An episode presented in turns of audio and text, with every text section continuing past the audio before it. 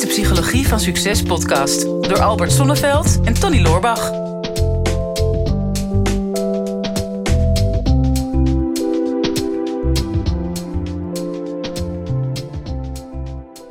Tony, we krijgen toch wel heel veel bijzondere vragen binnen hoor. Ik, uh, ik kan niet altijd helemaal goed lezen wat er nou precies bedoeld wordt met zo'n vraag.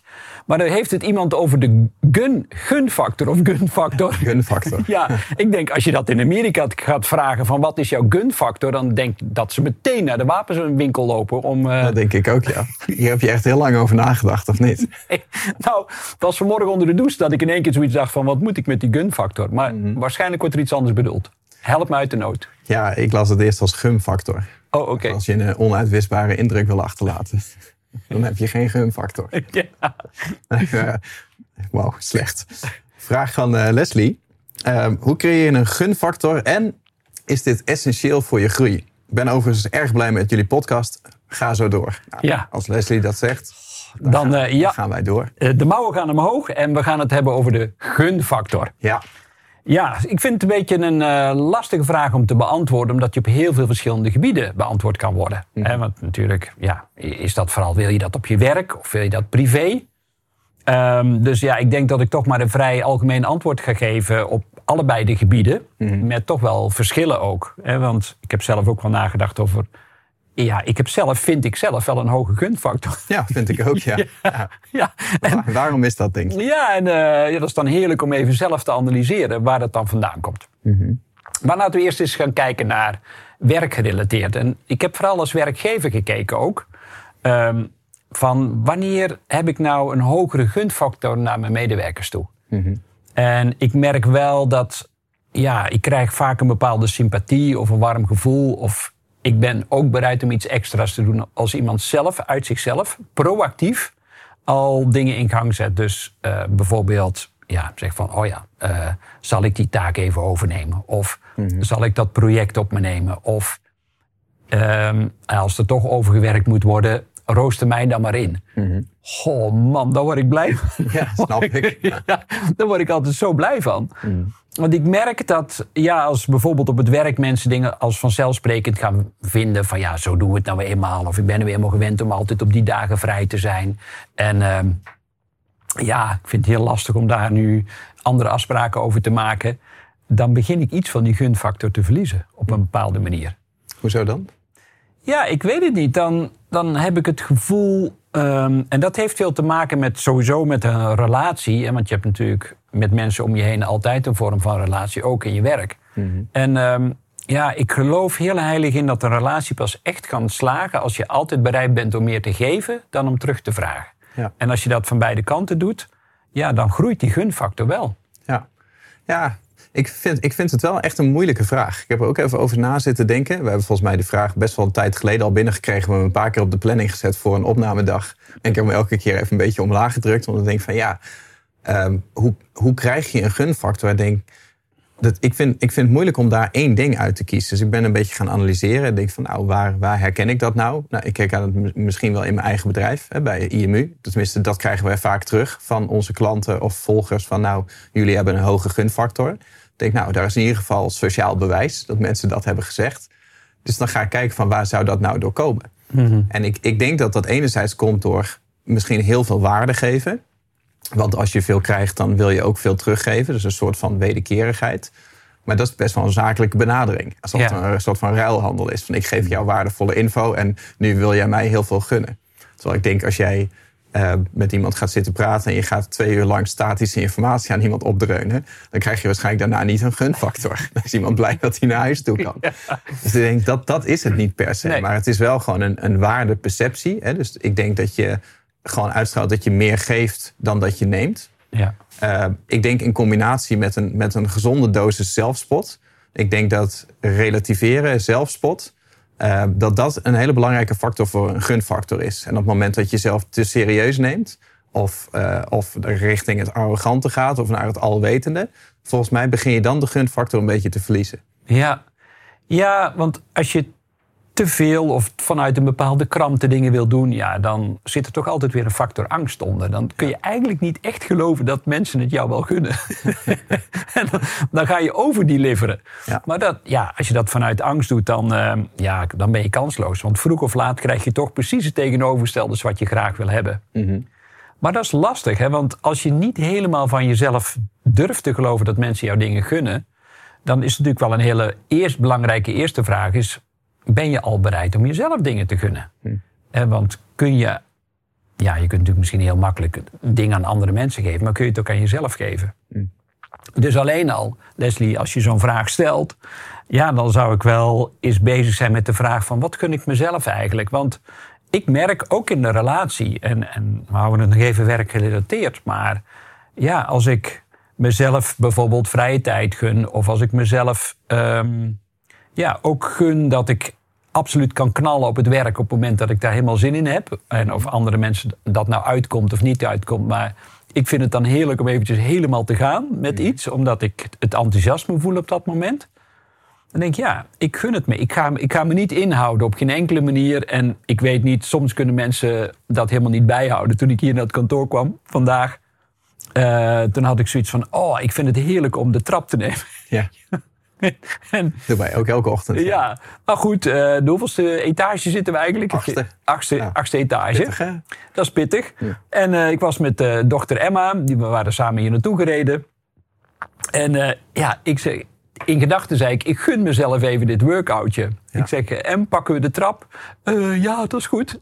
Nou, apart, want ik stond hier laatst beneden aan de trap. Ik kwam met Martijn het pand binnen. Toen kwamen we Emma ook tegen. Ja. En die ging niet mee met de trap. Nee. Dus, dus blijkbaar gunnen ze jou wel. Ja, ja mij niet. precies. Ja, daar moeten we het nog even over hebben. Ja, maar ik gun het mezelf dus. Ik denk, oh, ik heb zin om me eventjes helemaal uit te kuren op die trap. Dat ik even flink uh, buiten adem bovenaan kom. En zeg, papi, ik kon je bijna niet bijhouden. En dat, ja, dat is dan een heerlijk gevoel. Mhm. Dus ben je in staat om dingen aan jezelf te geven? En wat is dat dan precies? En durf je daar dan ook naar, direct naar te handelen? Want kunt natuurlijk eindeloos gaan fantaseren over uh, ja, hoe heerlijk dat het is als je bepaalde dingen op je werk voor elkaar kunt krijgen. Of dat je je medewerkers meekrijgt in een bepaalde gedachte. Maar de eerste vraag is: ben je daar akkoord mee als je het als niemand uh, meegaat met jouw gevoel, mm uh, maar dat je toch aan jezelf kunt geven op dat moment? Ja. Ja, en, en wat Leslie vroeg natuurlijk ook van, is dat belangrijk voor jouw persoonlijke groei? Ja. Ik denk dat als jij uh, wil groeien, zakelijk gezien als, als mens, uh, en als mens, uh, dan, heb je, dan heb je dat soort externe dingen wel nodig. Hè? Je hebt liefde van andere mensen nodig, je hebt uh, energie van andere mensen nodig. Uh, je hebt de steun van andere mensen nodig. Als het puur zakelijk is, heb je de omzet van andere mensen nodig. Dus uh, weet je, als jij niet iets van jouw omgeving krijgt, dan wordt het heel moeilijk. Dan zul je, dan zul je niet groeien, dan ga je stagneren. Uh, als je dat in eerste instantie al niet kan toelaten, dan heeft het inderdaad ook geen zin dat je het krijgt. dan krijg je, waarschijnlijk krijg je het ook niet, maar stel dat je het zou krijgen, dan, dan komt het niet binnen. Dus dat lijkt me inderdaad wel, dat lijkt me een hele belangrijke. Ik denk, ehm, als, het, als het over zaken gaat, dat de, de menselijke factor heel belangrijk is. En over niet-zaken denk ik ook. Maar misschien is dat trouwens ook wel universeel. We hadden het over heel veel geven, uh, zelfspot hebben. Maar ik denk een andere factor is, is kwetsbaarheid. Ja. Op het moment dat jij um, open en eerlijk durft te vertellen over wat jij moeilijk vindt in het leven. Of wat voor uitdagingen je in het leven hebt gehad, zodat mensen jou echt leren kennen.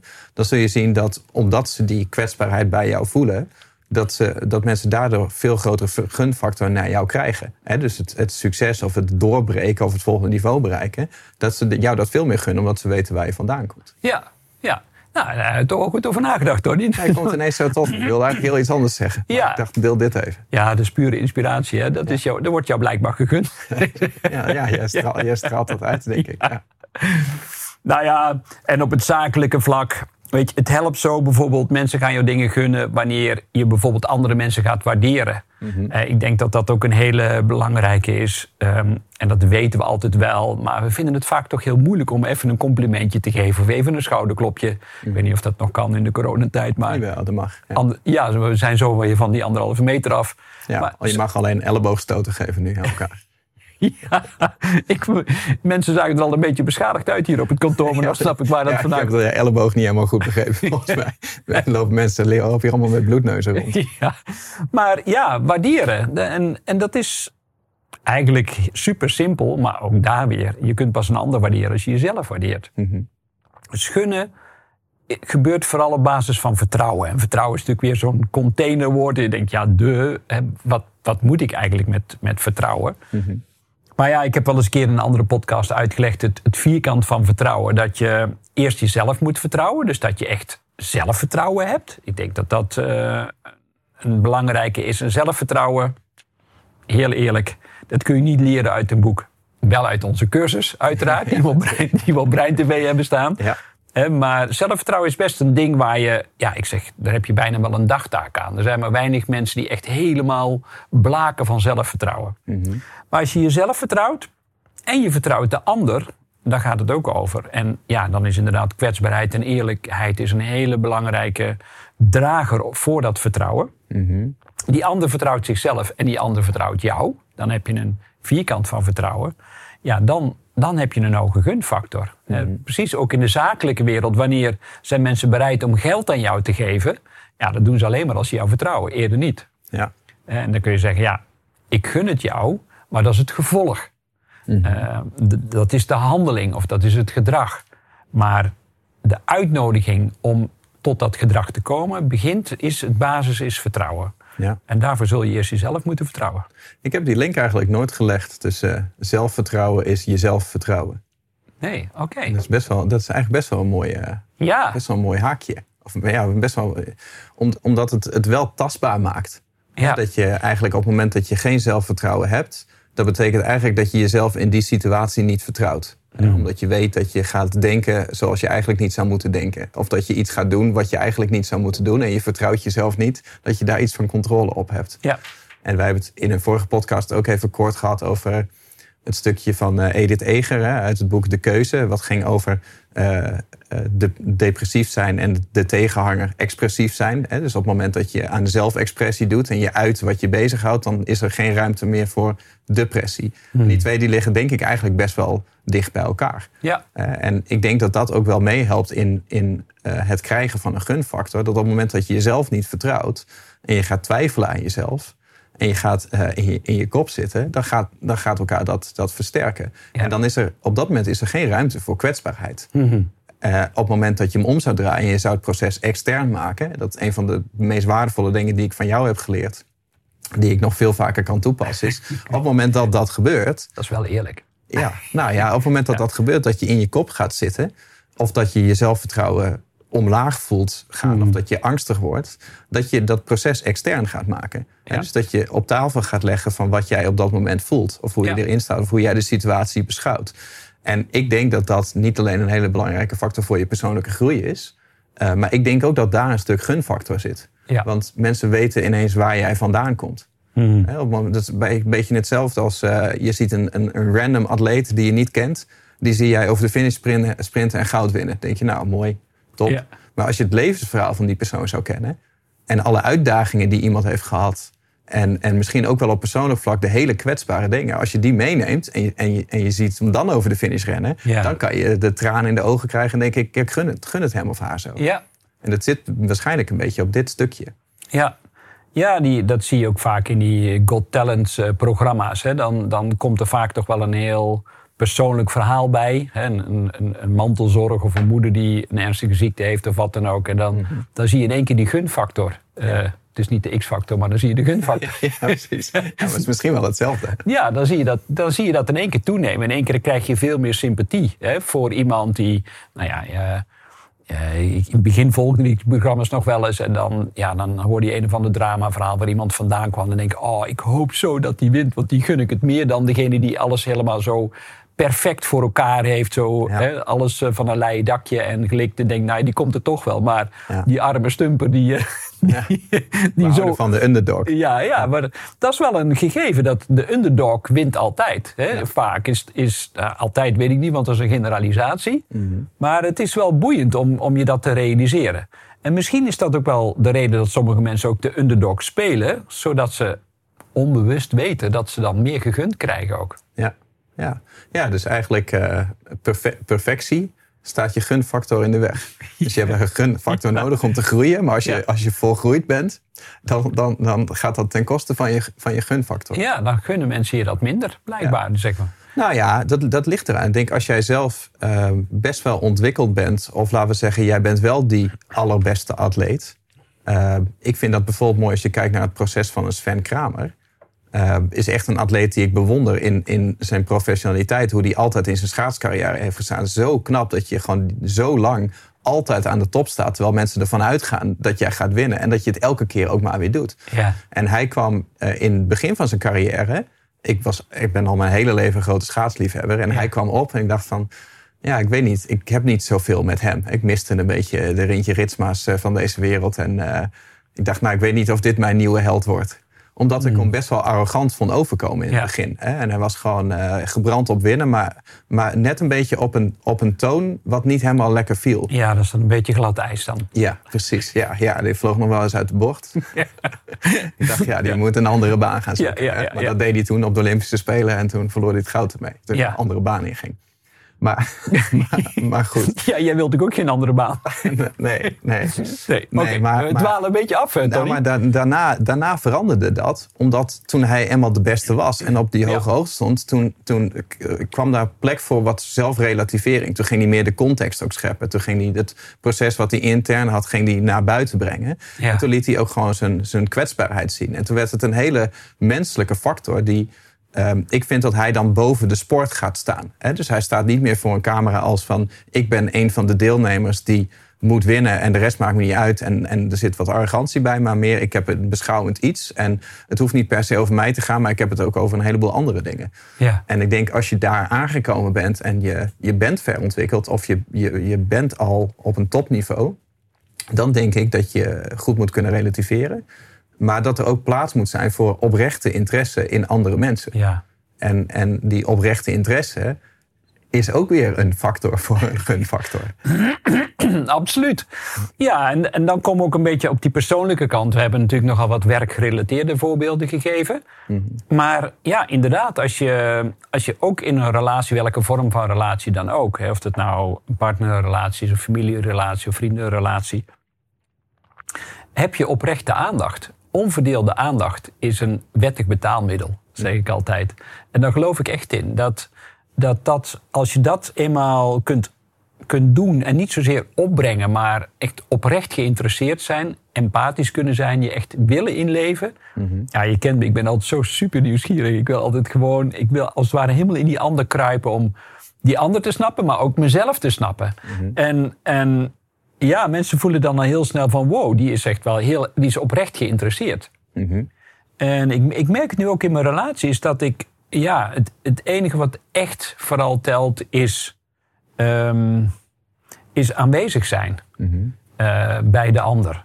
En, en als je echt, echt aanwezig kunt zijn, dan. Um, en, en, wat dat dan maar voor jou is. Maar in ieder geval aanwezig betekent voor mij zonder afleiding. Dus niet praten en ondertussen toch op je telefoon zitten. Of Hm. eh, als je niet fysiek bij elkaar bent, uh, ondertussen tv zitten kijken en, en dan met die ander bellen of zo. Dat, Mhm. ja, die ander voelt dat gewoon. Die heeft dan zoiets van ja, blijkbaar ben ik wel de moeite waard, maar toch niet helemaal zo. Mhm. En ja, dan als je dat niet kunt ontvangen van de ander, de liefde van de ander bijvoorbeeld, omdat je het zelf niet kunt toelaten, of omdat je die onverdeelde aandacht voor die ander niet kunt opbrengen, ja, dan verlies je al heel snel die gunfactor. Mhm. Dus ja, we gaan nog een, eh, een, een, een podcast uh, hebben we uh, straks of een interview uh, met, met een relatiespecialist. En ja, en daar wil ik zeker nog het nodige over vragen ook. Want volgens mij zeker ook met daten en, en met relaties krijgen en relaties houden. Ja, wanneer valt iemand op je? Als, niet- als je iemand laat struikelen. Ja. Bijvoorbeeld. Hè? Of, ja, ik, kan, ik heb er allerlei beelden van dat je in een Tarzan-pakje vanaf je slaapkamerkast zo op het bed valt. Maar, Ja. Daar gaan we nog wel een keer een podcast over maken. ja, maar vooralsnog, ja, wanneer ben je aantrekkelijk? Hè? Want dat is misschien ook wel hetzelfde, in hetzelfde thema van die gunfactor. Is als je oprecht ge- eh, geïnteresseerd bent en je hebt die empa- empathie. Uh, en je hebt ook oog voor detail. Dat vind ik ook altijd zoiets. Je, je vindt het echt heel leuk om die ander te verwennen of te verrassen. Mhm. Vooral ook. Uh, je denkt aan een verjaardag. Het zit hem altijd in die hele kleine dingen. Het zit hem nooit zo in die mega grote cadeaus waar je dan mee aankomt. Op een gegeven moment went dat heel snel. Mhm. Maar juist zo'n klein detail. Uh, ja, met, en dat zie je alleen maar als je alle aandacht hebt. Ja, dat verhoogt wel enorm de gunfactor. Ja, nou, het is eigenlijk nog best wel een moeilijk recept dus. Dus je moet, uh, je moet het kunnen ontvangen, je moet oprechte aandacht hebben. Je moet uh, zelfspot hebben, je moet veel geven, je moet uh, spontaan zijn, je moet alert zijn. Het is best wel, best wel moeilijk. Is het dan nog wel waard om een gunfactor te hebben? Ja. ja, nou ja, het hoeft allemaal niet op een schaal van 0 tot 10, Tony. Je mag ook gewoon uh, beginnen met een 5 en zo langzaam maar zeker opbouwen. En ehm, ja, het een zal je gewoon wat natuurlijker afgaan dan de ander. Mm -hmm. En ehm, ja, hou het vooral bij jezelf, waar jij al goed op gaat. Uh, en de andere dingen die kun je gewoon oefenen. Dat is conditionering en dat is gedrag aanpassen. Mm. je, je, kunt echt oefenen om wat attenter te zijn, ja. Tony. Ja. nou, hier herken ik me niet in. Nee, maar, maar klopt. En, en, je moet het ook niet gaan overdrijven, denk ik. Ik denk dat dit allemaal dingen die we nu bespreken... zijn allemaal dingen die daaraan bijdragen aan een gunfactor. Totdat je ze gaat overdrijven. Ik denk, uh, uh, net wat je zegt, van als jij, als jij interessant wil zijn, zul je geïnteresseerd moeten zijn. Hè? Met oprechte interesse. Maar als je alleen maar geïnteresseerd bent en zelf niks vertelt, dan, dan, dan, werkt, dat, dan werkt dat natuurlijk ook niet. Nee. Ik denk dat kwetsbaarheid heel goed werkt om een gunfactor te krijgen. Maar als je altijd alleen maar kwetsbaar bent, dan slaat kwetsbaarheid om in uh, zeiken. Hè? Of, of, in een depressieve modus. Of iemand die mm. veel energie kost. Dat je denkt van, poh, daar heb ik geen zin om daar nog een keer mee te gaan zitten praten. Want het is alleen maar drama. Ja. Dus, dus alles wel met, met mate. Ja. ja. Nou, volgens mij heb je het perfect samengevat, uh, Tony. Dus uh, ja, ik hoop dat jullie dit weer een leuke uitzending vonden. En uh, als je kijkt op YouTube op dit moment... en als je dat nog niet doet, kan ik van harte aanbevelen. Want dan zie je echt het gezicht van Tony en mij erbij. Dus echt fantastisch. Als je dat scherm open laat staan, dan heb je gegarandeerd het hele seizoen geen last van muggen of vliegen. Dus dat is een prettige bijkomstigheid. En vind je dit leuk? Geef ons een duimpje of geef een comment over wat jij eigenlijk uh, verstaat onder de gunfactor. Zodat wij ook weer van jou kunnen leren. Graag tot de volgende keer. Dit is de Psychologie van Succes podcast door Albert Sonneveld en Tony Loorbach.